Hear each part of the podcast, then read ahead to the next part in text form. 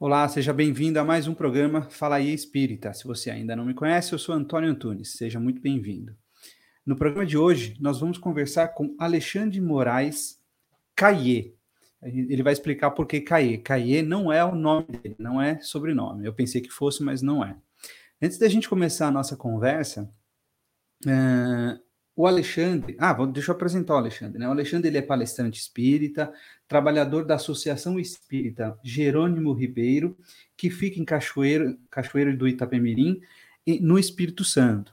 Ele me relatou que a, a casa, né, a Associação Espírita Jerônimo Ribeiro, foi fundada pelo Jerônimo Ribeiro no, no, nos anos 20, de 1920, e é a primeira casa espírita do Espírito Santo. Então, acho bem interessante essa, esse dado, né? Antes da gente começar a conversa com o Alexandre, é, eu quero pedir para você se inscrever aqui no canal se você ainda não é inscrito. Também peço que você deixe o seu like aqui no vídeo. Quanto mais like o vídeo tem, quanto mais, é, mais curtidas e mais comentários o vídeo tem, mais ele se torna relevante e o YouTube entrega para outras pessoas que não estão inscritas ainda no canal. E também peço que você ative o sininho e se você se interessar, achar interessante esse vídeo, achar interessante a conversa que eu vou ter aqui, pega o link e compartilhe nas suas redes sociais, nos seus grupos de WhatsApp, grupo de família. Ajude a divulgar, tá? A intenção desse programa é divulgar o conhecimento espírita, a, a, os ensinamentos, os valores espíritas, tá bom? Então, uh, eu acho que era isso que a gente tinha para dar como recado inicial. Vamos chamar aqui, então, o Alexandre para a nossa conversa. Olá, Alexandre, tudo bem? Tudo em paz, graças a Deus. Boa tarde. Boa tarde. Ou, boa, ou um bom dia ou boa noite para quem for assistir. Exatamente, depende do horário. Isso que é importante. É, é. Alexandre, é, eu começo a, o programa com duas perguntas que são as mais difíceis que você vai responder. Tá? Primeiro, Vamos. qual é a sua idade e em que cidade você nasceu? Bom, eu tenho, por enquanto, 57 anos. É, nasci em Cachoeiro de Itapemirim. Não, morei sempre aqui, não, mas é, a maior parte da minha vida eu passei aqui. Eu sou daqui mesmo, filho da terra. Filho da terra. Você então passou a sua infância aí no, em Cachoeiro? Sim, sim, toda a minha infância. Tá. E você é um palestrante espírita, bastante atuante aí na região, né? Uhum. Agora, você, desde pequeno, você é espírita? Você nasceu espírita? Ou você chegou a frequentar alguma outra religião? Como que Olha, é a sua formação evangélica, né? A, a, formação religiosa? Como foi? Eu tenho que agradecer a Deus que eu nasci em berço espírita. O espiritismo uhum. chegou à minha família através do meu avô materno. Tá. Que ele veio da região lá de. tinha contato lá em Juiz de Fora, essas coisas assim e ele já trouxe desde, desde que eu me entendo por gente o espiritismo para a família, desde da infância das minhas, da, da minha mãe e das minhas tias. Tá. Então eu fui educado dentro do espiritismo, sem muita rigidez. Minha mãe não era aquela que cobrava, você tem que estar na evangelização, não. Talvez por isso eu esteja mais apegado, entendeu? Eu hum. te, é, tem pessoas muito próximas a mim que os pais eram mais rígidos, exigiam, tem que estar presente, não pode faltar, e que depois se afastaram totalmente. Ainda são espíritas, mas não tem mais é, é, praticamente vínculo é, forte. Então eu, hum. eu sempre tive uma afluência natural. É, no início na brincadeira, né? É, rabiscando carteira e coisas do tipo, não era nada sério. Eu fui abraçar mesmo já vamos dizer assim, lá para meus 20 e poucos anos de idade, foi quando eu comecei a levar o espiritismo a sério na minha vida. Tá. Então a sua mãe, então seu, seu avô era espírita, ele e a sua mãe era espírita. Seu pai também era espírita ou não? Meu pai, é, quando ele começou a namorar com minha mãe, ele, ele era evangélico. Olha que interessante. E ele diz ter se convertido à doutrina espírita. Minha mãe já frequentava, então ele, ele acompanhava. É, segundo ele dizia, foi após ler o livro O Matuto. Hum. Mas ele data a, a, a, a, adoção da doutrina espírita como religião como o dia do meu nascimento, porque muito me emociona. Ele já desencarnou. Também foi palestrante espírita ele. Mas por que, que ele, ele, ele fala que quando você nasceu ele virou espírita? Ele, ele conta algum fato? É, não, ele, ele não deu uma, não me deu uma explicação. Me emociona por, que talvez é, é, é, simbolicamente tenha sido talvez com a forma como que fosse me educar dali para frente. Ele é claro que já devia estar é, flertando com a doutrina espírita há um bom tempo para tomar essa decisão na época que eu nasci, né? Tá. E ele, por ser, por ser evangélico, e a gente sabe que às vezes a doutrina é, evangélica, né, a religião evangélica, às vezes tem um pouco de preconceito. E ele teve algum conflito com a sua mãe ou não? Nunca, ele sempre foi nunca houve, é, é, talvez por ele ser apaixonado pela minha mãe, nunca houve descrição de conflito desse. Hum. Mas uma, uma coisa interessante é que, ainda na fase jovem da minha mãe, é, eu, eu, frequento a Associação Espírita Jerônimo Ribeiro, mas na década que ela foi fundada em 1913. 1913. É, posterior à morte de Jerônimo Ribeiro, foi quando o nome foi adotado, porque até então era outro nome, era Associação Espírita Beneficente e Educativa, que era. Tá. É, então, é, posterior a isso daí, é, houve, houve a fundação de uma outra casa que levou o nome dele, que é o hum. Centro Espírita Jerônimo Ribeiro, onde ah. eu fui evangelizado desde a minha infância. A fundação do Centro Espírita Jerônimo Ribeiro é, consta é, é, é, da época que minha mãe ainda era jovem, mas quando se iniciou a mocidade do Centro Espírita Jerônimo Ribeiro, minha mãe estava na redação da ata, entendeu? Hum. Então, é, nessa época que minha mãe abraçou essa causa, não sei a data especificamente das coisas, é, existiam fotos de meu pai interpretando peças, ele fazendo, inclusive, o é, é, papel de Jesus numa peça espírita, entendeu? Ah, legal. Dentro da, da, da, instituição. Então, ele abraçou a causa com vontade, abraçou com força mesmo, entendeu? Tá. É, inclusive, teve. É, o Jerônimo Ribeiro fundou um, um lar, era, ele, na verdade, era um asilo, um orfanato e recebia pessoas, é, doentes mentais que era o Lar Deus Cristo Caridade, aqui na cidade.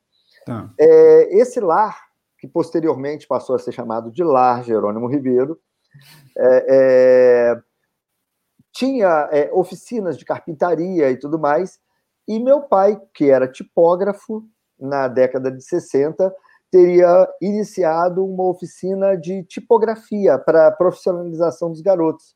É, Jerônimo Ribeiro houvera fundado um primeiro jornal espírita também daqui, que era o Alfa. Esse uhum. jornal foi publicado até poucos anos atrás. É, essa tipografia passou a, a, ser responsável posteriormente pela publicação do Alfa e por aí vai, entendeu? Uhum. Então, uma história é E você comentou aí que seu pai era, também era palestrante, palestrante. Sim, ele foi palestrante aqui, dentro, aqui na região, nas casas aqui da, da região. Tá. E sua mãe? Minha mãe sempre foi uma trabalhadora, entendeu? Tá. É, é ela então, teve um trabalho dedicado mais na juventude. Posterior, na fase mais velha, voltado com família, ela também era funcionária dos Correios e Telégrafos, então ela é, frequentava. Eu me lembro de uhum. criança, eu é, sendo levado, é, os dois frequentando o centro, e eu ia de mão dada com os dois. Quando eu tropeçava, que eu vinha dormindo em pé, que eu era criança ainda, eu tropeçava e eu lembro de ficar pendurado pelas duas mãos para não cair no chão. Então eles frequentavam juntos. É, e você tem irmãos? Tenho, tenho uma irmã e um irmão. Uma irmã que é um ano e meio mais nova e um irmão já bem mais novo. Tá. E aí eu tava, eu comentei no começo, né, que o perguntei para você, né, Caie seu sobrenome, você falou que não, né? É, isso aí foi uma história bastante interessante. Quando eu era criança, minha irmã é um ano e meio mais nova que eu, então eu imagino que ela estivesse aprendendo a falar quando ela tivesse com um ano de idade. Isso provavelmente eu deveria ter em torno de dois anos e meio. Uhum. E minha mãe sempre me chamava assim, Alexandre. Então uhum. o E virava a minha sílaba mais forte. E, então minha, minha irmã começa a me chamar de E. Então ela falava assim, Caê, Caê. Minha uhum. mãe juntou as duas coisas e minha mãe começou. Você quer que o Caê venha aqui? Quer o Caê? Uhum. Aí virou, virou Caê. É, pegou, eu sou mais conhecido. Na escola. Tudo. É, a primeira vez que eu fundei uma empresa era mexia com eletrônica, era cair eletrônica. então ficou muito vinculado mesmo. Uhum. E, o... e você tava, você falou que então a sua infância você foi evangelizado dentro da, da doutrina espírita, mas não era Sim. nada muito é, rigoroso tal, e você sim, sim. foi começou a se aproximar mais com uns 20 e poucos anos, é isso? É, acontece o seguinte, eu nunca, eu frequentava, mas sem compromisso. Tá. Meus primos iam, eu ia para acompanhar, para não ficar. Eu sempre gostei de companhia, eu, eu ia de boa. Eles iam porque a, a mãe pedia, e eu ia para acompanhar os dois. Então, é, é, quando eles mudaram aqui para a cidade. É, então, eu, eu, tinha essa fluência, essa liberdade. Se eu não quisesse ir, eu não ia. Se eu quisesse ir, eu ia. Uhum. ia na, tudo na brincadeira. Depois, naturalmente, fui deixando isso de lado. Quando eu comecei a ocasião do meu primeiro namoro, é, essa namorada ela estava muito vinculada ao movimento jovem católico na época. Tá. E eu me lembro que ela queria participar de um determinado retiro. E uhum. o pai dela impediu. Ele era bem rigoroso, né? E como eu estava, eu comecei a me aproximar demais, eu fui fazer esse retiro sem ela. Foi uma das melhores experiências que eu tive, um retiro católico, era um retiro do silêncio, na época com o padre Gadernal, já desencarnou. E foi uma das melhores experiências religiosas que eu já tive na minha vida. Em várias palestras minhas eu menciono esse retiro. Hum. É, a partir daquele momento, eu me declarei católico. Tá. É, isso foi, deve ter sido por volta de 80 e, 84, se não me engano. Aí, quando chegou no mês de novembro daquele ano, eu comecei a namorar em junho, em agosto, não em junho, quando chegou em novembro, eu fiz a primeira comunhão. É, com 20 anos de idade, eu fiz a primeira hum. comunhão. E só que no ano seguinte nós nos casamos. No hum. período anterior ao casamento, eu comecei a sentir falta das respostas que a doutrina espírita me dava. Hum. E eu comecei a pegar para ler Nosso Lar junto com ela. Hum. Acabou que eu tornei a doutrina espírita, retornei, porque na verdade nunca, o espiritismo nunca saiu de mim, né? E ela acabou tor tornando-se espírita. É, ah, então... Hoje ela é, é médica, é, não, não, vivo mais com ela, mas é, ela é, é espírita. Sempre hum. que eu vou na capital para fazer uma palestra, ela é uma das, uma das presenças quase que sagradas nas minhas palestras. Ah, que legal. E aí então, mas então, aí você começa, tá, aí você volta por espiritismo. Sim. Mas volta frequentando o espiritismo ou também Não. que nem nós, meros mortais que vamos lá assistir uma palestra, mas acabamos às vezes não fazendo muita coisa. Eu não ia nem assistir palestra. Eu era nessa época, nessa época eu, eu montei uma pequena empresa, essa é uma empresa de eletrônica, como eu falei, é, e eu me tornei um workaholic. Eu trabalhava de manhã, de tarde, de noite, de manhã, de tarde, de noite. Isso talvez tenha até pesado no, no, no, no meu casamento. Uhum. E depois, é, por curiosidade é, é, é com a mediunidade, tanto eu quanto ela tínhamos curiosidade de termos, dispormos de, de, de alguma faculdade mediúnica, e isso nos levou a frequentar é, algumas reuniões tentando descobri alguma faculdade mediúnica. Inclusive, uma reunião na casa do meu avô, que na época ainda era vivo, e uhum. ele, que tinha um gênio bem difícil, mas era uma pessoa fantástica, é, ele tinha uma reunião que acontecia semanalmente na casa dele. Ele manteve como se fosse um mini centro espírita que funcionava na casa dele. Então nós começamos a frequentar lá, algumas vezes, mas mais em busca da mediunidade do que dos ensinamentos em si, uhum. entendeu? Mas foi uma experiência muito bacana essa. O, o, o, seu avô ele, ele, ele fazia uma reunião na casa dele com amigos ou com pessoas de. Como que era essa reunião? A maioria das vezes era ele sozinho. Ele, a minha avó ia por obrigação. Minha avó foi uma pessoa fantástica, está em alta. Ele fazia um evangelho no lar? Não era bem evangelho no lar, não. Tinha inclusive quadro de exposição, tinha tudo. É, e às vezes ele convidava algum médium para algum tipo de manifestação, já que ele não, não tinha mediunidade. Mas ele, ele, ele, era muito aficionado pelo desenvolvimento da mediunidade.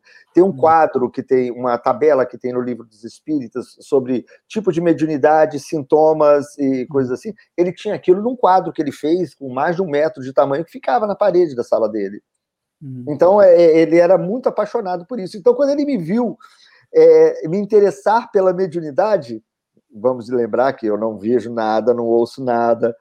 É, hoje eu, eu, reconheço a inspiração, mas é, ele simplesmente abraçou com unhas e dentes. Eu quero, ele queria que eu fosse médium, né? Vamos dizer assim. E aí ele, e aí você frequentava lá a, a casa dele para estudar e tentar desenvolver algum tipo de mediunidade. Exato. Eu comecei a frequentar nessa curiosidade, né? É, e tem aquele fato é, que eu até mencionei aqui agora há pouco na conversa offline, uhum. que foi o, o caso que é, uma vez ele chamou uma, uma amiga que era médium, até morava aqui próximo da minha casa, não sei se está viva atualmente. Uhum. E, através dessa médium, em determinado momento, houve a manifestação de um mentor da casa. E o mentor virou para virou apontando para mim e falou assim: o fruto está maduro, se bobear, cai de podre. Aí ele, como é mediunidade? Sim, já passou da hora do nosso amigo começar a trabalhar. Ele está hum. matriculado nas frentes de trabalho de Dona Ivone Amaral Pereira. Eu, quem é essa tal de Ivone? É o mesmo nome da minha tia, minha tia chama Ivone, mas eu nunca hum. tinha ouvido falar, entendeu? Hum. Aí minha, minha esposa também estava na época interessada, falou, e a nossa irmã? Nossa irmã precisa de muito trabalho. Só falou assim. Hum. Aí tudo bem, prosseguiu, entendeu? É, posteriormente eu tive é, é, numa vivência a, numa situação difícil quando houve o término do, do meu casamento, eu sofri muito, né? Porque não era de minha vontade é, eu bati a porta da minha evangelizadora da época de infância. Hum. Ela era presidente de uma casa espírita recém-fundada. E nessa, hum. nessa situação, quando, é, numa das reuniões que eu estava lá, é uma reunião de tratamento, que eu ia, reunião doutrinária, eu ia reunião de estudos, eu ia em todas as reuniões, eu era, na verdade, é, é um desesperado de amparo. Eu estava sozinho, que se eu fosse para casa eu chorava, porque eu estava hum. sofrendo muito. Uhum. Então, na reunião de tratamento, na hora que ela faz a prece de encerramento, ela agradece a dona Ivone Amaral Pereira. Aí eu, hum, o que, que é isso? Aí, quando terminou, eu chamei ela lá. Quem é? O que, que foi? Eu falei, essa Ivone que você falou? A dona uhum. Ivone Amaral Pereira, que é autora da Memória de um Suicida. Eu falei, o que, que tem essa mulher aqui com a coisa? Ela é a mentora espiritual da casa. A nossa casa tem uma reunião mediúnica voltada para atendimento de suicidas. Hum. Aí tava eu lá. Como que eu fui? Caí lá de paraquedas, vamos dizer assim. Caramba, e aí você, come... aí você continuou frequentando essa casa? É, por muitos e muitos anos eu frequentei a casa, muitos anos mesmo. É, uhum. Participamos de atividades assistenciais, cheguei a fazer parte da diretoria. Foi uma época boa, aprendi muito ali, aprendi uhum. muito, graças a Deus. Ali que eu fiz o primeiro curso de de para ser palestrante com 20 e poucos anos de idade. Ah, então você fez um lá nessa casa? É, exatamente com a mesma pessoa, ela que ministrou esse curso. E Como eu me lembro esse curso? Ela fala, Porque era um curso. Eu, ela... eu, nunca, eu nunca tive nenhum, eu nunca fiquei sabendo de curso para palestrante. Ela é essa senhora é uma pessoa aqui na região. Hum. É, ela ela é significativa pelo nível de, de atividades dela e o quanto ela estuda. Talvez aqui na região, talvez seja a maior estudiosa da doutrina espírita. Ela lê hum. muito, ela lê muito. Para hum. você ter uma noção, é, ela fazia é, determinados é, é, livros que são. Você já viu que tem um, um, um, livro aí que a federação lançou, tá, a palavra fugiu da minha coisa, que traz os pontos e temas em todas as obras de André Luiz o que, que você acha em cada obra, onde está catalogado. Eu esqueci o nome agora, é, ah. como é que fala? Não é bem dossiê, não, é, é, é alguma coisa assim. É, eu então, também não estou achando a palavra. É, ela fazia várias apostilas assim.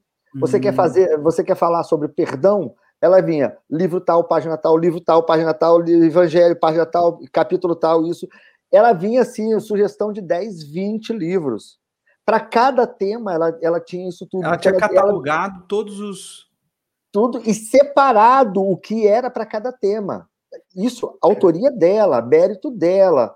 Então, quando é, é, no curso ela. Ela, ela não publicou isso? Não, não, não publicou. Ah, ela tinha que publicar, hein? Até Nossa, talvez eu ainda tenha alguma apostila dessa mimeografada, entendeu? Nossa, eu acho que deve ser de uma riqueza, porque a gente que estuda, a gente lê, né? A gente não faz isso. Né? É, então. É muito difícil. E a gente não é, guarda na memória, né? É, é para você pegar. É, aí, quando ela fazia o curso, ela dava um tanto sobre oratória, um tanto sobre você respeitar os princípios doutrinários, é, os pontos capitais que você deve respeitar para fazer, que uma palestra tem que ter começo, meio e fim. Graças a Deus, isso eu aprendi, minhas palestras têm início, meio e fim. Uhum. E no final ela dava dois, duas, três apostilas dessa, entendeu? É, uma é, delas eu me lembro que era a respeito, é, em verdade, em verdade vos digo. Aí ela trazia para cada uma da, do, do Em Verdade vos digo, diversos livros, dezenas de livros da, da literatura espírita, onde tinham trechos que se encaixavam dentro daquilo. Cara, isso Entendeu? deve ser muito rico para fazer uma palestra, né? Deve ser. É fantástico, é fantástico, entendeu? Uhum. E, ela, então ela, tinha, ela, tinha, que publicar isso. É, Hoje é, eu nunca tinha pensado nisso, mas talvez seja até uma boa coisa para abordar. Ela deve ter esse material todo. Não, a biblioteca claro. dela era a parede dela toda. Veja, olha, existe, por exemplo, é, é, tão, é muito fácil fazer isso hoje, né? Uhum. Existe, por exemplo, a Amazon tem o KDP, Kindle uhum. Direct Publish. Ah, que você, sim, é, é uma, você, você vai lá, faz um cadastro, pessoa física, pega uhum. lá o arquivo em Word e transforma num e-book e põe para vender na, na, na, Amazon. Aí você pode vender para vender um, dois reais, três reais, sei lá, entendeu? E ela é então, boa nisso, em criar. Ela, ela, é inteligente, ela aprende as coisas com facilidade. É. Entendeu? Manda o um vídeo para ela, para ela depois dessa nossa sim, conversa, sim. manda o um vídeo para ver se ela. com Porque, certeza. Olha, é, não, para gente que, para as pessoas que querem fazer palestras, deve ser uhum. espetacular isso, né? Com certeza, com certeza. Aquilo, uhum. isso foi meu, meu, roteiro por muito tempo. Isso foi uhum. meu roteiro por muito tempo. É, graças a Deus, é, eu desenvolvi um senso crítico que me dá bastante segurança para buscar material hoje. Hoje eu busco material mais na internet, que a gente sabe que é um, é perigosíssimo, né? Mas é um terreno que eu, que eu ando com determinada segurança, graças a Deus. Sim. Mas por que, que você fala perigoso? Porque você não acha a coisa Porque, correta? É, infelizmente, uma coisa que acontece no meio de, é, doutrinário é uma, a dificuldade que as casas têm em, em criar, é, em desenvolver os próprios palestrantes. Então, muitas casas são dependentes de palestrantes de, de, de fora da casa. Sim. Não tem, não conseguem seus próprios trabalhadores. E é claro que é Acho é natural. A, a, federação, ela, ela forma, né? A federação a, a, federação, eu não conheço o trabalho. Eu já vi é, é, é cursos similares a esse pela federação, na época que eu estava envolvido no, no, no, quarto Conselho Regional Espírita, eu até consegui trazer um desses cursos na época aqui, foi o Rodrigo Brasileiro, que, que veio aqui para ministrar o curso. Uhum. É, foi muito bacana. Agora, é, as casas têm essa dificuldade, então é muito comum é, as casas pegarem um trabalhador que está se dedicando com mais atenção e começar a colocar ele na tribuna, tá? Sim.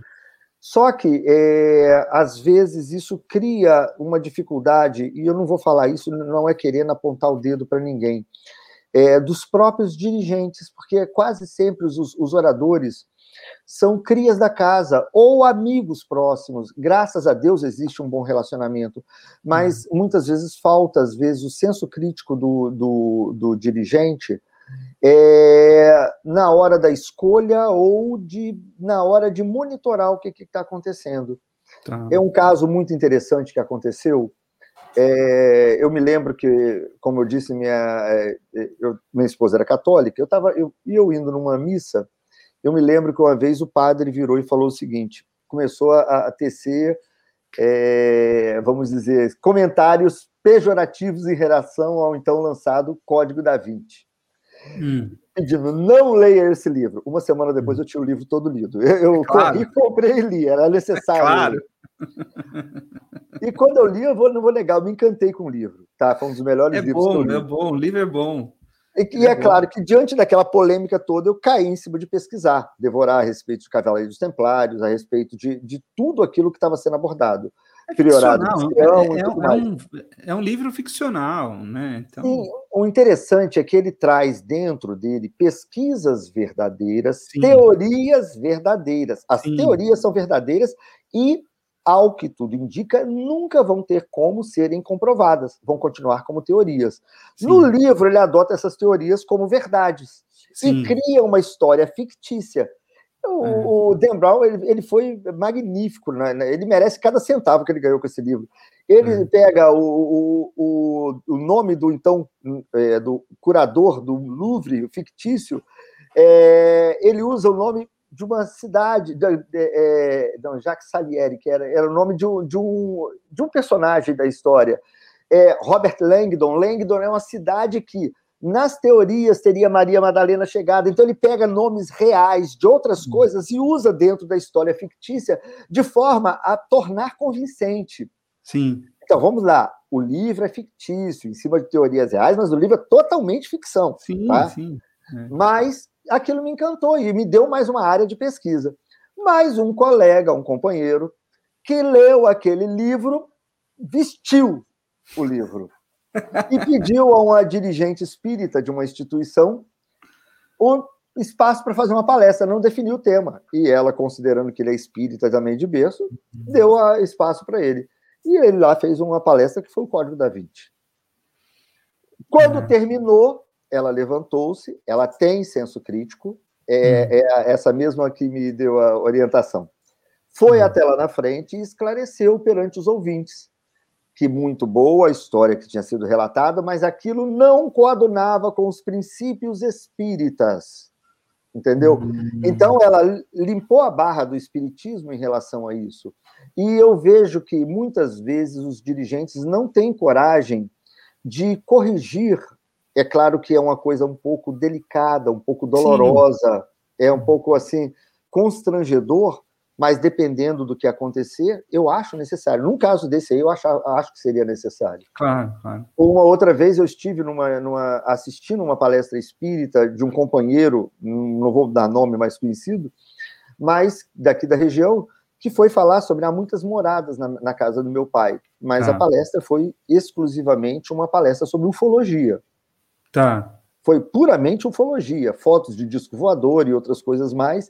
Tá. Não que não estou negando nem afirmando a ufologia, tá? Hum. Mas aquilo não era é, é, conteúdo de uma palestra espírita. De uma palestra espírita, entendo. Entendo. Entendeu? É, então é então é passar por um critério antes, né, para a gente enxergar se, se, se é plausível, né, falar aquilo né, né, dentro de uma casa. Isso é uma situação muito crítica, muito crítica mesmo, e é onde as pessoas, muitas pessoas erram. Existe um uhum. modismo, tá? Uhum. É, uma vez é, eu estava com. Eu, quando eu falei que eu tive uma pausa de mais ou menos uns seis anos, quando minha filha nasceu, minha, minha, ter, uhum. minha terceira filha, que eu me afastei das atividades. Tá. Depois disso, eu, eu, quis voltar. Pode falar. Tá. Não, é, é, então, só, só pegar um pouco isso. Você fez o curso, a gente estava falando do curso. Ah, perdão. Pra, Desculpa, pra, eu, falo, palestra, eu falo né? cotovelos. É, mas é bom, é bom porque tem conteúdo para a gente falar aqui. Uhum. É, então, assim, você fez o curso e você já começou a fazer palestra? Comecei, eram palestras bem primárias. Eu tenho um book, eu achei aqui essa semana um book com, com os meus temas daquela época. Hum. Entendeu? O roteirozinho ela desenhava com um reloginho, início, meio fim. Eu desenhava aquilo no papel. Eu ainda ah. tenho aqueles roteiros. Então, hoje não serve para nada, porque mudou muito o conteúdo para mim. Mas hum. é, é, eu estava olhando com saudade para isso. Isso foi com 20 e poucos anos. Isso me chegou. É isso que eu ia perguntar. Você começou a fazer palestra com 20 e poucos anos? Eu devia ter em torno de 26 anos, mais ou Nossa, menos. Novo, 27. né? Aham, então eu deve ter 30 anos que eu faço palestra, mais ou menos. Como que você enxerga você com 26 anos fazendo palestra? Eram palestras primárias, mas eu era um entusiasta. Tá. Entendeu? É... Graças a Deus eu nunca tive dificuldade em enfrentar o público, hum. porque antes de trabalhar, antes disso, antes de mexer com eletrônica, antes de tudo, eu fui radialista, eu já fui hum. locutor. Então, é, tam, eu sempre tive facilidade em, em, lidar com o microfone, lidar com o público, não tive medo. Eu já, acho que eu já havia uma preparação para isso. Tá. E, mas assim, porque assim, né, a gente não, não costuma ver gente nova fazendo palestra. Geralmente tem, começa a ter fio de cabelo branco, pelo menos, né? É, existem é, existem é, bons nomes novos fazendo palestra, mas a gente reconhece que geralmente a maioria das vezes caem pessoas acima de 30, 40 anos de idade, geralmente. E, e, como que você chegou? Uh, quais foram as dificuldades que você teve nesse começo? No início era mais insegurança. Tá. tá? É, eu tinha muito que seguir meus roteiros ao pé da letra. E cada uhum. exemplo, cada parábola, cada passagem, eu tinha quase que fazer a leitura, né? Uhum. É, mas vamos dizer assim, à medida que vai, você vai ganhando experiência, é, cada palestra que você faz, eu fiz uma palestra com um tema novo ontem, que foi cristianismo e espiritismo, na, na Câmara Municipal de Ibatiba, pela, uhum. da, pela implantação, foi é, criada a data da, municipal da, da confraternização espírita. Terça-feira eu tenho outra palestra com um tema novo, é esquecimento do passado. Cada uhum. vez que a gente pega um tema para estudar, é, entra um pouquinho mais de bagagem. Então, quando eu, é, acontece o caso de eu pegar 10 anos depois uma palestra antiga para refazer, quando eu olho ela, tudo aquilo que eu aprendi de lá para cá se encaixa, então a palestra amadurece, ela modifica bastante. Uhum. Os temas vão crescendo, como se fossem árvores que crescem mesmo quando você deixa de lado. Então, quando uhum. você pega ele, ele está diferente. Porque, na verdade, minha cabeça mudou, né? Minha, minha bagagem claro, mudou. É. é bacana. É. Mas naquela época e... era muita segurança. É. E aí você falou que você, quando a sua filha nasceu, você se afastou. Certo. Um pouco. É. Eu me afastei por um período. Depois por voltei, né? É, mas por quê? Por causa, por causa da, do dia a dia normal? Foram é, é problemas é, é, de mudanças profissionais. Eu mudei uhum. de área de trabalho. É, problemas dentro de casa, que foi o nascimento da filha, traz o caos. E mudança de área de trabalho também traz um caos financeiro na vida da gente. Então, uhum. foi uma, uma época de eh, bastante conturbada. Então, uhum. depois eu comecei a frequentar e veio a, a vontade de fazer palestra novamente. Eu precisava, Mas, então, me atualizar. Esse, esse, período que você ficou afastado, você se afastou ou é, se afastou do trabalho espírita, mas nunca do espiritismo? O espiritismo continuava em mim, mas eu não uhum. frequentava com a mesma assiduidade. Tá. Entendeu? Eu frequentava uma hora ou outra, não, já não tinha a mesma regularidade durante esse período. Tá. Um período meio é, bem tenso, vamos dizer assim. Mas é, é, passou, graças a Deus. Eu, ah, é, o retorno foi natural, foi a consciência pedindo. Tá. Você sabe que eu tenho um. Eu vi uma vez, lá no, no centro que eu frequento, uhum. É, falando assim, né? É, diante das dificuldades, alguma coisa, você pode estar com Deus contra Deus mas nunca sem Deus. Eu achei, porque é, é meio que naquela. No, às vezes tem pessoas que passam por dificuldades, né? E aí uhum. ela se revolta contra Deus, né? Por, que, que eu estou passando por isso, né? Tem aquela uhum. parte. Então, é, eu achei muito interessante isso, né? Você uhum. pode estar é, com Deus, contra Deus, mas nunca sem Deus. É, né? Não Porque, tem como estar sem Deus. É, entendeu? Eu acho interessante. Eu achei interessante. Esse contra é aquele, é aquele momento de revolta, tal, mas eu acho que é, é aquele momento de conflito interno, mas que você dialoga com Deus, né? Você, né, faz aquele, né? Então você tá ali do lado, ele tá do seu lado. Você pode estar contra ele. É o filho revoltado com o pai, mas o pai tá do lado, né? É, existe, tem uma palestra que eu tenho, é, chama Onde está Deus? Hum, eu é, vi ela pa... no YouTube. Ela, é, quando eu fui fazê-la, ela mexeu, ela me transportou até, até a adolescência. Hum. Mas a gente vai naquela pergunta: o que é Deus? Inteligência suprema, causa primária de todas as coisas. Uh, e a gente está acostumado a ver Deus como um velhinho de cabelo branco, de, de barba branca, de túnica branca lá nas nuvens, toda tirinha Isso. de jornal. Quando você olha, você fala, ah, Deus aqui, você sabe é. que é Deus. Você, você reconhece Deus sem nunca ter visto a foto de Deus. É. Então, é, aí a gente se pergunta, qual o tamanho de uma inteligência? Qual a cor? Qual a forma de uma inteligência? Não tem. Deus não tem forma. E se pegar na Gênese, que fala que o pensamento, que o fluido cósmico universal é o, é o veículo do pensamento de Deus, assim como o ar é o veículo da voz, né? É, o pensamento de Deus está em tudo, porque o fluido cósmico universal está em toda parte do universo. Até onde nós pensamos ser vácuo, tem fluido cósmico universal. Então, nós estamos mergulhados no pensamento de Deus, nós estamos mergulhados em Deus o tempo todo. Ao mesmo tempo que, quando eu estou andando, eu transpasso o ar, eu transpasso Deus, mas ao mesmo tempo que o fluido cósmico universal é capaz de transpassar o espaço entre os núcleos e, os, e a eletrosfera dos meus átomos, Deus transpassa o meu organismo também não tem como você. Tudo que acontece na gente acontece dentro de Deus. É, naquele, naquele retiro. O padre falou: não cai um fio da sua cabe de cabelo da sua cabeça sem que Deus saiba. Na época eu cocei assim, eu falei: meu Deus, quanta informação. Quando eu lembrei do ralo do banheiro, eu falei: meu Deus, quanto cabelo para falar com ele. Mas isso acontece dentro do pensamento de Deus, Deus já sabe. Uhum. Entendeu? É, é, é, é, um conceito diferente essa visão de Deus. É. Uhum. E aí você retoma, re, começa, você retoma a, a, as palestras e, e os, os, temas das suas palestras, que nem eu vi aqui. Você comentou esse tema, né? Onde está Deus? Uhum. Muitos os chamados e poucos os escolhidos. Foi é uma outra palestra que você faz, uhum. né? É, e essa palestra que você fez, muitos chamados, poucos escolhidos, foi um, eu vi que está no YouTube, é recente. Foi até do, acho que durante a pandemia, né? Eu, eu, eu não sei porque tem temas que, que eu já fiz há 15 anos atrás que as pessoas e, me pedem para renovo e faço. Então tem uma mistura. É, é, tem, vão sempre. Eu peço que as pessoas me peçam temas novos, porque é meu, minha oportunidade de, de estudar. É, é, uhum. muito comum os, os, dirigentes falar assim: me passa a relação de temas. Eu tenho uma relação que tem aí algumas dezenas de temas, temas. mas isso me força a ficar no, na mesmice, então eu preciso de temas novas, novos.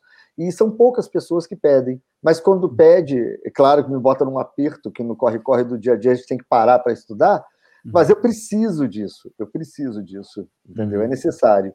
Claro, eu, eu pego muito material na internet e cai naquela situação crítica que eu, ia, que eu comecei a falar. É. O, você fala que. O, qual que é a situação crítica que você. Eu vou citar um exemplo. Quando uhum. eu fui voltar a fazer palestra, eu me lembro que o, o, o tema do momento, que estava um zum, zum, zum, eu não sabia nem de que se tratava, era crianças índigo e crianças cristal. Hum. Eu tenho que aprender sobre isso, rápido. Claro. Comprei... Isso estava toda hora, verdade. Eu lembro uma época que se falava muito disso. É.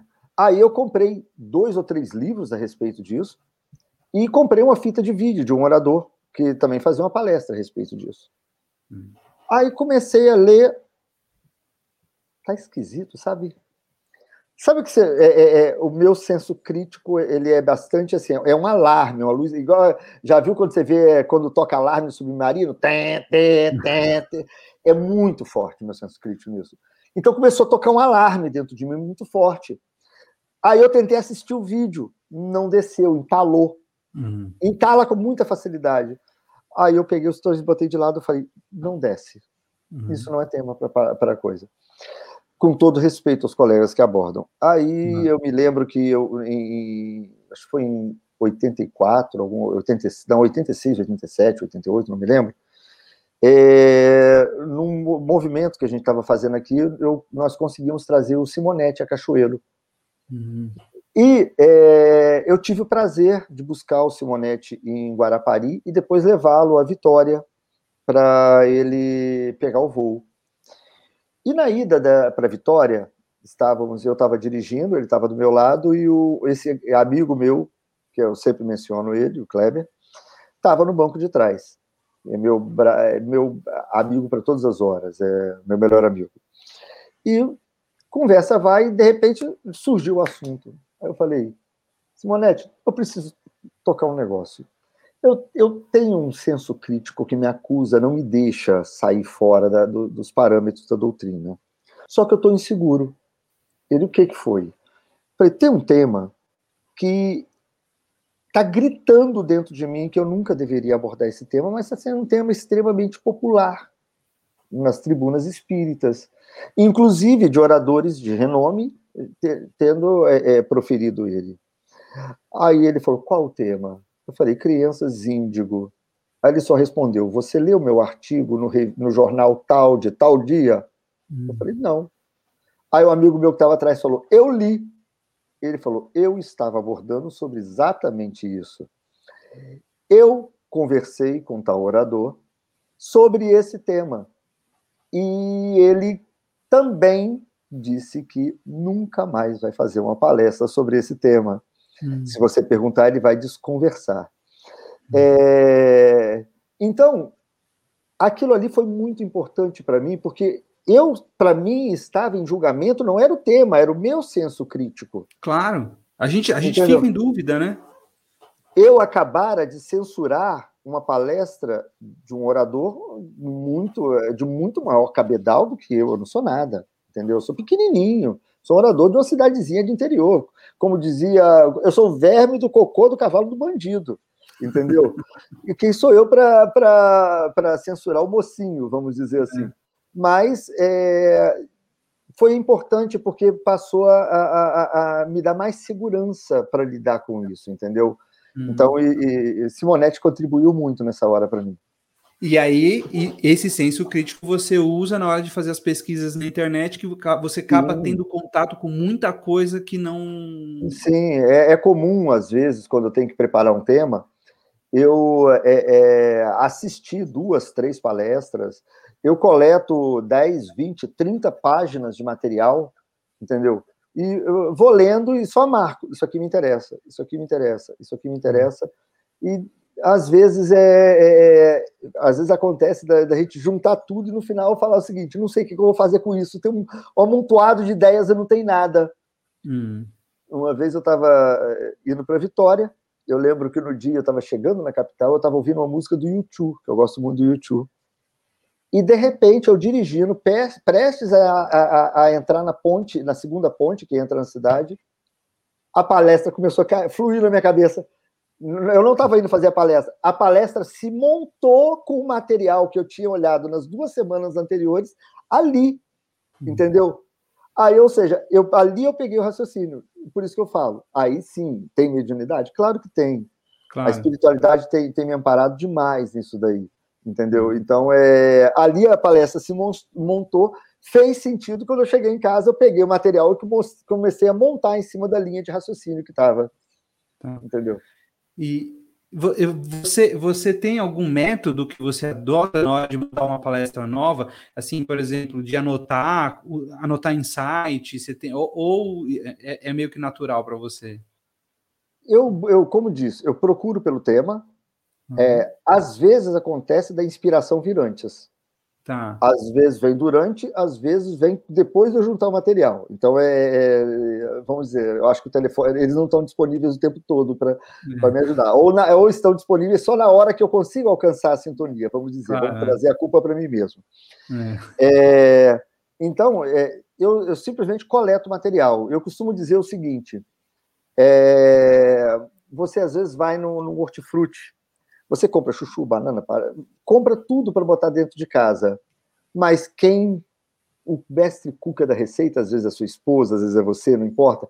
Ali é que está a formação do prato. Então eu costumo dizer que eu sou responsável por fazer as compras. Entendi. Eu tenho que buscar material. Os verdadeiros cozinheiros são eles. Entendi, que, são, que, vão me dar a, a linha de formação da, da, da, do pensamento, entendeu? Hoje em dia, a gente está passando por um processo de. É, é, todo essa, esse processo de pandemia, de tal, faz parte de um processo de transição planetária. Eu tenho lido muito sobre isso. Eu li o livro do Divaldo, não sei se chegou a ler, o novo.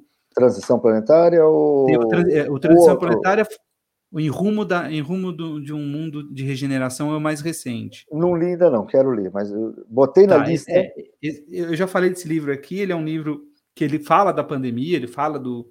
Né? É Manuel é, transição... de Miranda, né? Oi? Manuel Filomeno de Miranda, provavelmente. Isso, é. Manuel Filomeno é. de Miranda. É.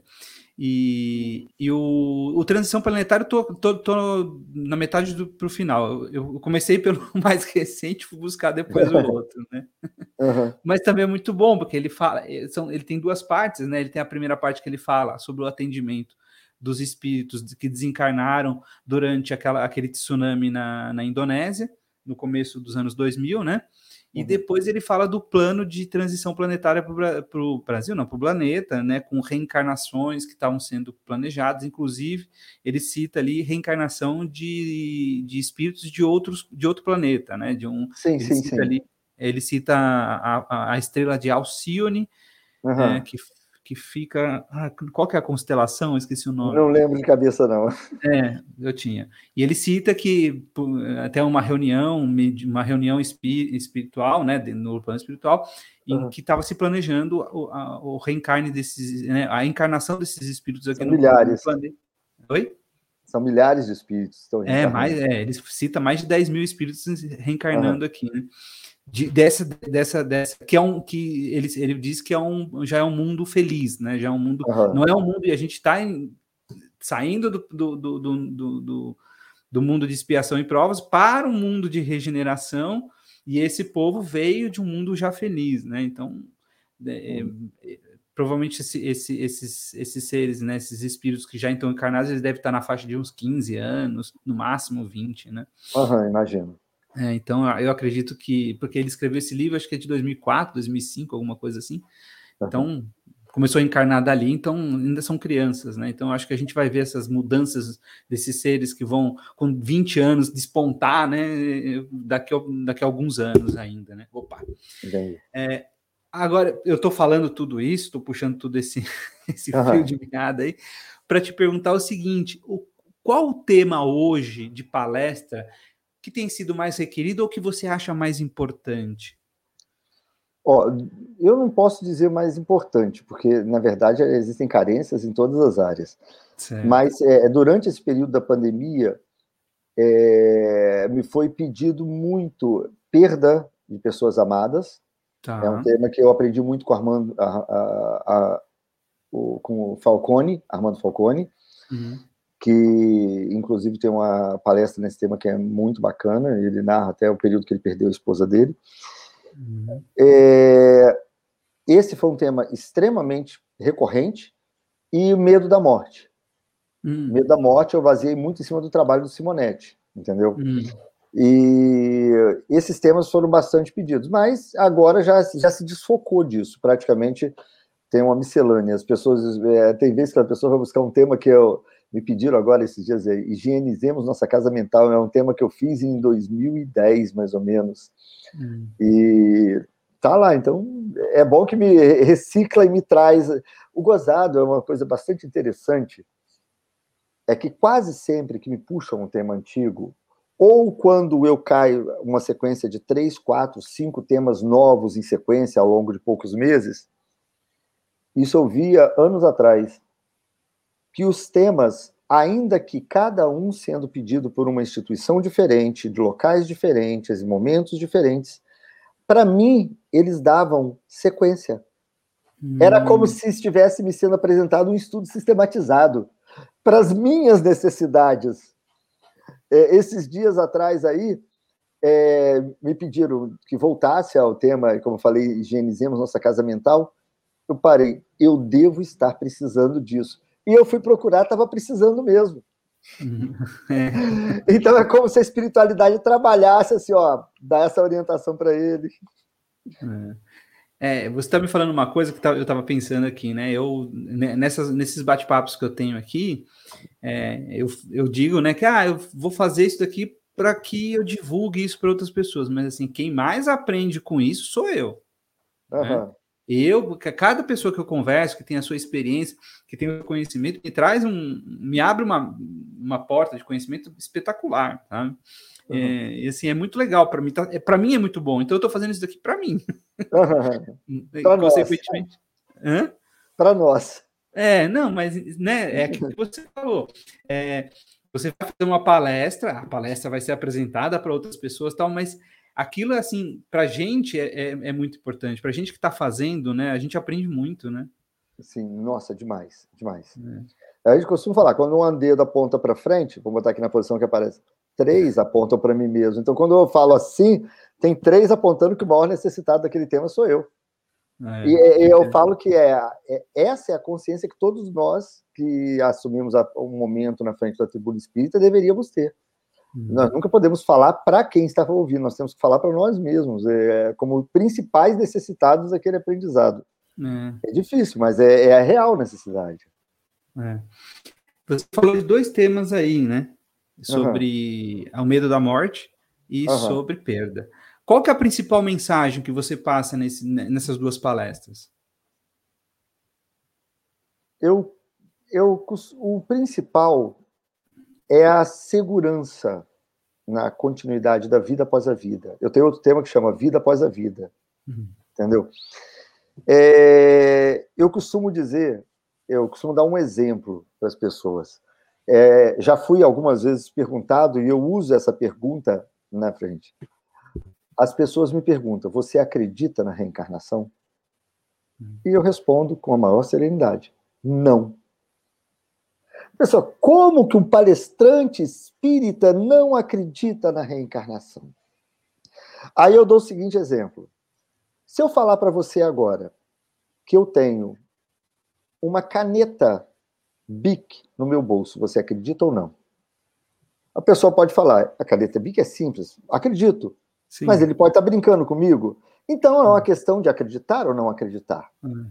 Mas, por exemplo, aí eu pego o exemplo, pego aqui, enfio no meu bolso e falo: vocês acreditam que eu tenho um celular no meu bolso ou vocês sabem que eu tenho um celular no meu bolso? É. Eu sei. Eu falei: pois bem, hum. eu sei da reencarnação, eu não acredito na reencarnação. Então, é, essa segurança é, é, é um, não, é, não é uma fé, simplesmente, é você ter aquilo assimilado, é um paradigma natural da minha vida, a continuidade da vida. Então, essa visão faz com que você enxergue todo mundo de forma diferente. É, ontem, quando eu estava falando a respeito da, da cristianismo e espiritismo, a, a, eu mudei a palestra cinco minutos antes de começar ninguém sabe, porque ninguém sabe como seria. Uhum. Mas eu ia falar, é, o é, que, que eu fiz? Eu peguei e abordei primeiro. O homem olha para os céus, as estrelas estão lá, é, desenhou-se constelação Ares, Escorpião, é, é, Cocheiro e por aí vai. Criou-se toda uma mitologia em cima disso, porque interpretando-se de uma forma mística, vamos dizer assim. Sim, sim. Mas ali na frente, em 1600 e pouco, Newton quando vê aquele acidente da maçã, alguns negam, mas é, é, ele narrava em família, que foi da onde ele tirou a ideia, é, ele resolve. Por que, que a maçã cai e não sobe?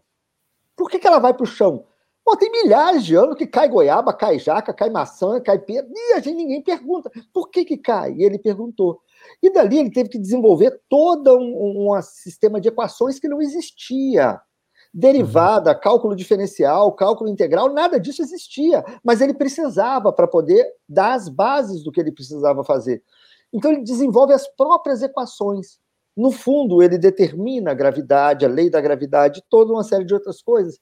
Tudo aquilo que se via passou a estar explicado. Por que, que os planetas giram em torno um do outro e tudo mais. Mudou o movimento? Não, não mudou nada. Apenas é. se desvendou as leis. Kardec, quando resolve estudar os fenômenos das mesas girantes, depara-se com o pensamento dos espíritos e com o conhecimento, a existência real da vida após a morte, sabe que aquilo não muda a nossa vida no geral, mas é, uma, é uma, um contexto, é um conhecimento que muda toda a nossa forma de ver a vida. Uhum. Entendeu? Uhum. Então, olha a gravidade daquela revelação, entendeu? Sim. Nós não inventamos a reencarnação. Kardec não inventou nem reencarnação, nem pluralidade da existência. Ele simplesmente desvendou as leis. Hum. Tornou palpável, tornou racional, deixou de ser místico, tanto que hoje é até abraçado pela ciência. A gente vê nas cadeiras de medicina, espiritualidade que estão sendo adotadas nas faculdades hum. e por aí vai. É. Então, essa, essa mudança é o que muda tudo. Então, é, é aquilo. É, você, você fala, fala uma coisa, uma coisa que até eu já abordei aqui antes, né? Porque uhum. uh, eu estava fazendo o Evangelho uh, no lar, e aí eu li, tem lá no, no, no no Livro dos Espíritos, né? Uhum. Uh, e ele fala, né? Qual que é o sentido da vida? Uma pergunta, não me lembro agora direito, mas assim, uhum. fala, olha, a gente, a, reencarna, a encarnação, nossa vida aqui na Terra, a gente não está aqui para ser feliz, a gente está aqui para aprender. Uhum. Né? A gente não está aqui para ser feliz. Isso não impede que sejamos felizes. Mas uhum. a, a, o objetivo da nossa encarnação é nossa, nosso aprendizado e nossa evolução. A partir do momento que você encara a vida dessa forma, todos os problemas, obstáculos que você vai ter na vida serão vistos de forma diferente. É, né, é o conhecimento espírita. Isso não vai mudar, né? Isso é, uhum. é aquilo que você falou da encarnação, é. né? É. Entendeu? É, você pode não. Ah, eu não acredito nisso. Você pode não acreditar, mas é isso. Vai continuar existindo. Não vai, vai, fazer... continuar sendo assim. Né? É, As leis de é, Deus são imutáveis. Né? Pega o caso de Galileu Galilei, que quando ele é, é, é, diálogo sobre, sobre sistemas máximos, quando ele publica é, a respeito do diálogo entre três entidades defendendo a, o heliocentrismo ou, ou a, a, o Sol girar em torno da Terra, uhum. é, fica nítido que racionalmente a Terra girava em torno do Sol. Mas ele é julgado e ele é condenado, se, e para não morrer ele abjura.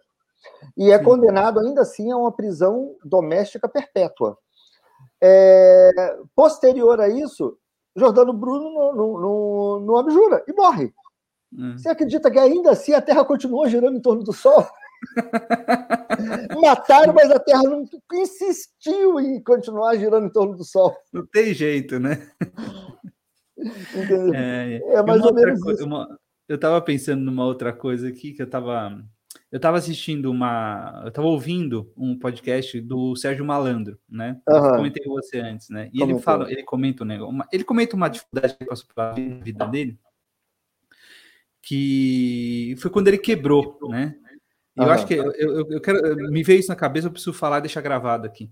É, uhum. E aí ele estava falando o seguinte, que o ele estava, ele quebrou, ele começou a vender tudo, e um belo dia veio um oficial de justiça na casa dele. Quando chegou lá, se deparou, pô, ah, Sérgio, não sei o que é o nome dele lá, né? Eu uhum. não sabia que é você, Serginho, tá? O Serginho uhum. Malandro, todo mundo conhecia, uhum. tal, E aí ele falou, poxa, meu filho gosta muito de você, ele é muito seu fã. Ele falou, uhum. poxa, quantos anos tem seu filho? Ah, meu, pai, meu filho tem oito anos, mas ele está hospitalizado porque ele tem câncer. Aí o Sérgio Malandro olhou para ele, né? Olhou para aquele oficial de justiça, né?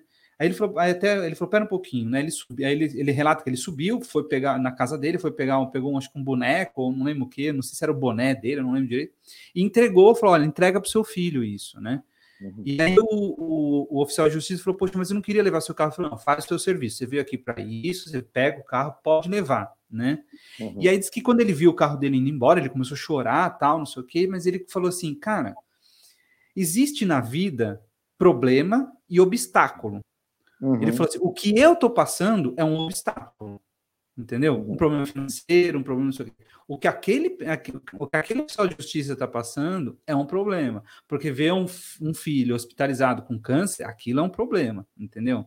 Isso. Então, assim, é também é uma forma de a gente mudar um pouco e encarar a vida de forma diferente, né? Entendeu? Com certeza. A, é, a, eu vejo muita, muitas pessoas, sabe? entrando em desespero, isso que por causa de obstáculos, né? E obstáculos a gente vai ter na vida, faz, par faz parte do aprendizado, faz parte da evolução, faz parte do plano reencarnatório nosso, né? Meio que eu fiz uma ligação a tudo aí que a gente falou, né? Eu, eu lembro do. Quem viu o livro, o livro, o filme fantástico da vida do Chico, baseado no, no livro do Marcelo Souto Maior, uhum. mas o filme foi muito bem dirigido, muito bem montado, eu só tenho a elogiar é, te, acaba criando uma antipatia de Emmanuel, pela dureza com que Emmanuel tratava o Chico.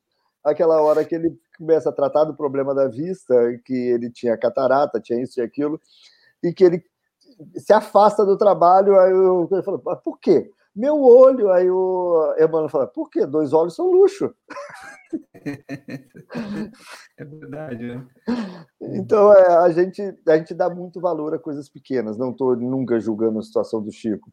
Claro. Não sei como eu passaria pela situação de perder uma visão. Hum. Mas é, realmente nós, é, é, eu costumo falar que a maior dor é a maior dor é a que nós temos.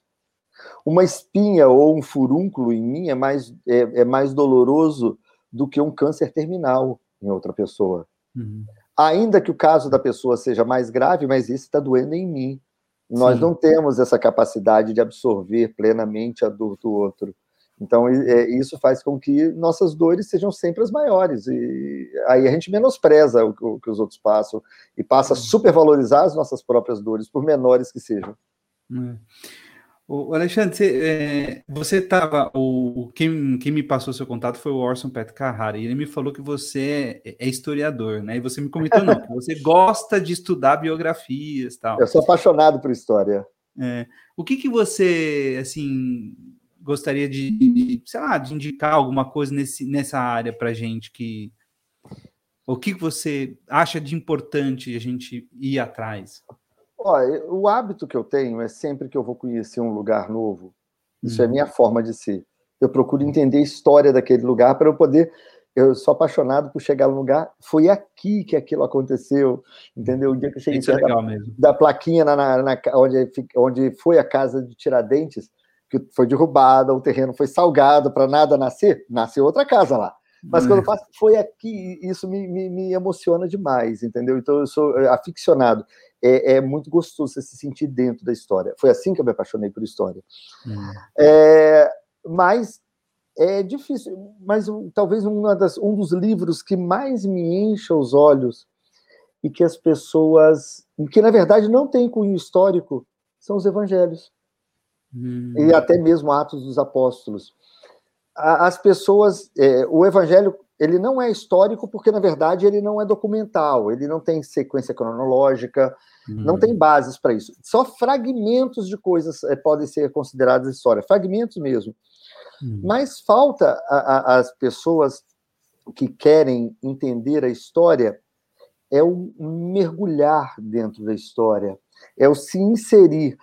Quando a gente vê é, é, um livro, se você pega um livro de Jorge Amado, um grande autor, se você pega o mesmo Dan Brown com o Código da Vinci, qualquer livro desses grandes autores, quer sejam obras é, fic, é, é, totalmente de ficção ou não, eles têm uma, uma habilidade de construir é, é, um texto de forma que te transporte.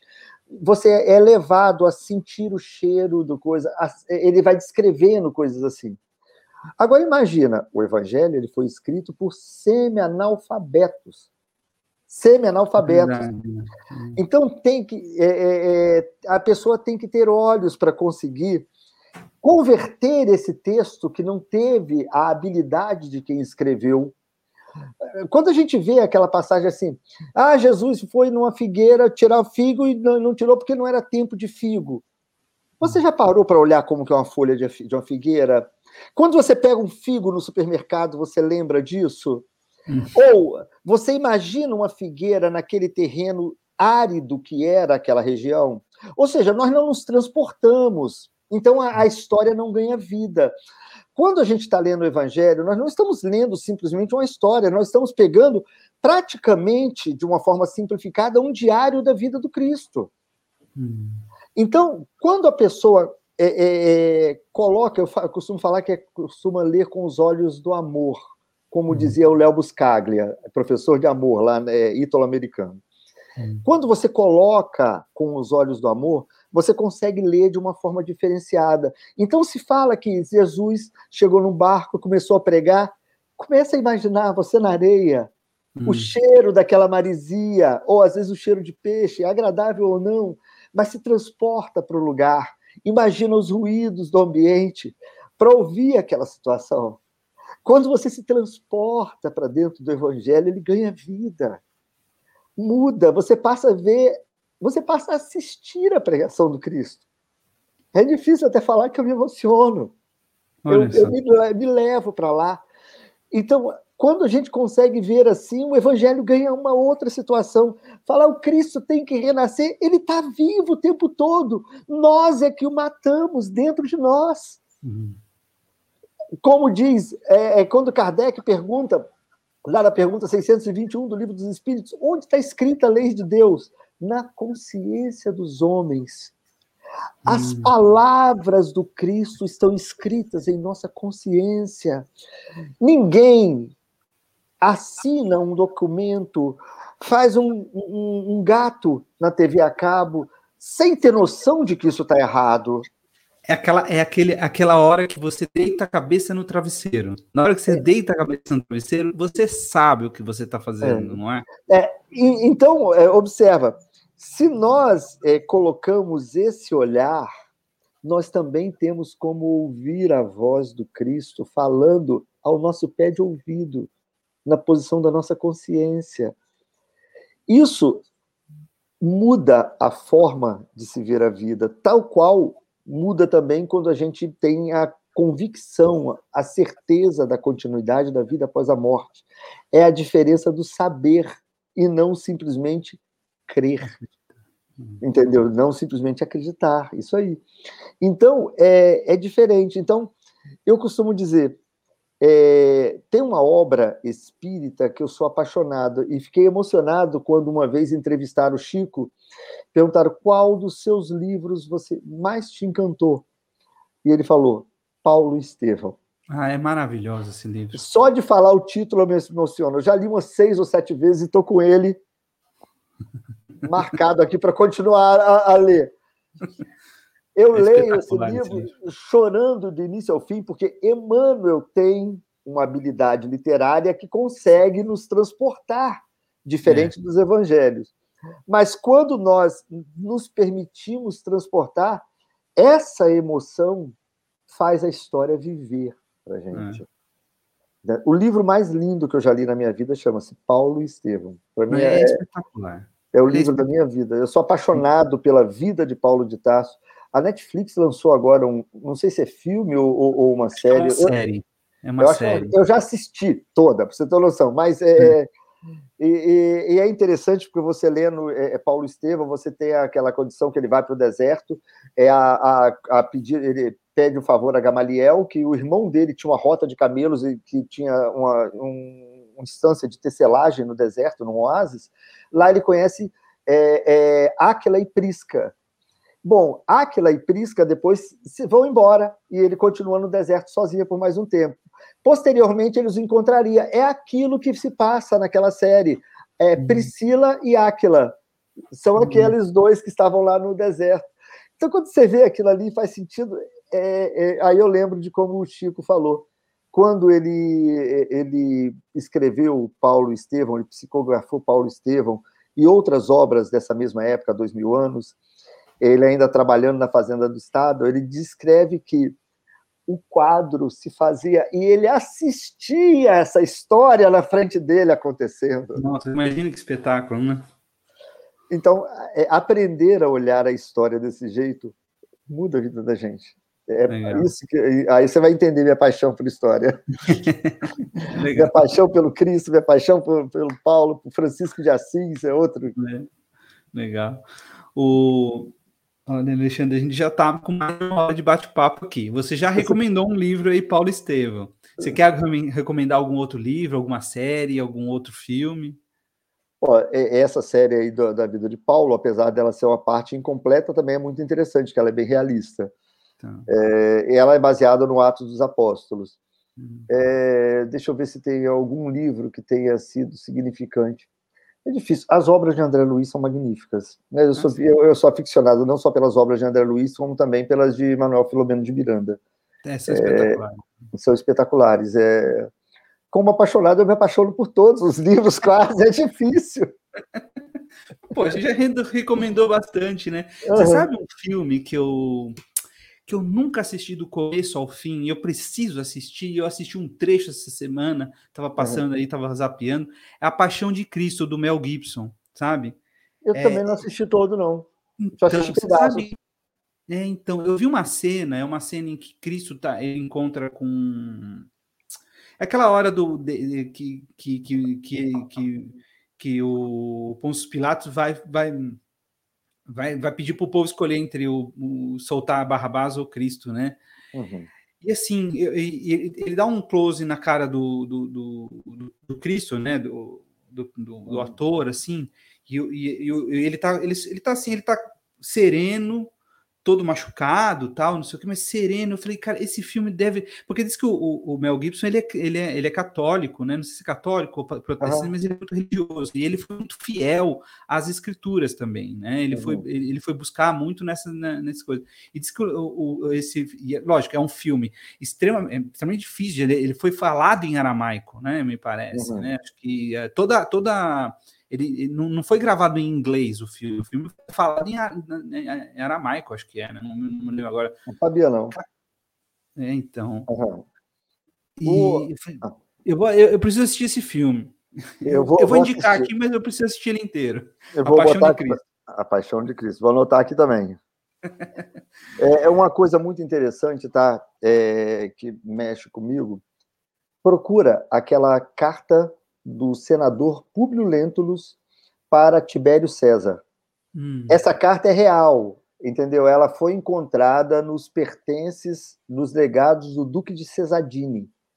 Hum. ou seja, essa carta é histórica, ela não tá. é fictícia. Não está no livro Paulo Estevão, não está no livro há dois mil anos, hum. mas é, é, ela é, é, verídica. Lá tem uma descrição do Cristo que o, o, o Públio Lentulus faz para Tibério César que é fantástico. Características físicas do Cristo, de Maria, mas tem um momento que ele fala, ele é sereno com gravidade. Hum. Que você fita ele e ele te faz chorar. Olha. Entendeu? Você olhar para ele, você chora. Então, é, aquilo ali dá uma, uma visão diferente do que a descrição que as pessoas fazem normalmente. É muito hum. interessante isso daí. Encontra na internet isso? Encontra, encontra sim. Eu devo ter salvo ela aqui em algum lugar. É, a se carta você tiver, do... me manda. Mando a carta do senador Publio Lentulus para Tibério César, que era ele se colocando à disposição para, se fosse preciso, levar o Cristo para que, que César conhecesse, entendeu? Uhum. Então, uhum. colocando-se à disposição. Uma outra carta importante é uma carta do. Mas aí já não é do cristian... só cristianismo, é no Espiritismo, é do Alexandre Delany. Alexandre Delany é filho do Gabriel Delany, na época, na ocasião que, que, quando Kardec desencarnou, ele foi enterrado no, no, cemitério de Montmartre, que é no centro de Paris, no cemitério Sim. comum. Depois, um ano depois, na, na ocasião que, que, que, completaria um ano de, de, de, seu falecimento, a União Espírita é, belga consegue comprar um terreno no, no, no cemitério monumental de Père Lachaise, e lá constrói um túmulo, túmulo em forma de dolmen, que era similar ao, aos, é, aos templos é, é, druidas, como uhum. Allan Kardec foi uma encarnação de, de, de, do professor Hippolyte Leon como druida, né?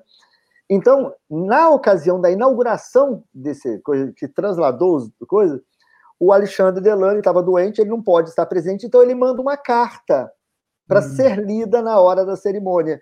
E ele, que tinha participado da vida de Kardec de perto, ele descreve de uma série de particularidades da, da, da, da vida de Allan Kardec que não estão na, na, na onde você procura normalmente. É, tem uma palestra que eu faço, é, é Obrigado Kardec, que é baseada uhum. mais nessa carta do que em outra coisa. Olha que legal. Entendeu? Então, é, dá uma visão completamente diferente, fantástica, que é uma visão da simplicidade, da, da sinceridade com que Kardec vi, vivenciava os princípios que ele pregava dentro da doutrina espírita. Mas é uma visão da vida pessoal dele, entendeu? Então, é, uhum. é muito interessante, são, são coisas que marcaram minha vida. Legal, muito bom. Uhum. Alexandre, muito obrigado pelo bate-papo de hoje. Foi muito legal. Eu já tenho uma coisa para ir buscar, estudar. eu que te agradeço de coração. É, a oportunidade de estar aqui é, é ímpar para mim. Eu, é. Tudo que envolve a doutrina espírita, eu sou simplesmente apaixonado pela doutrina espírita, apaixonado pelo cristianismo, apaixonado mesmo.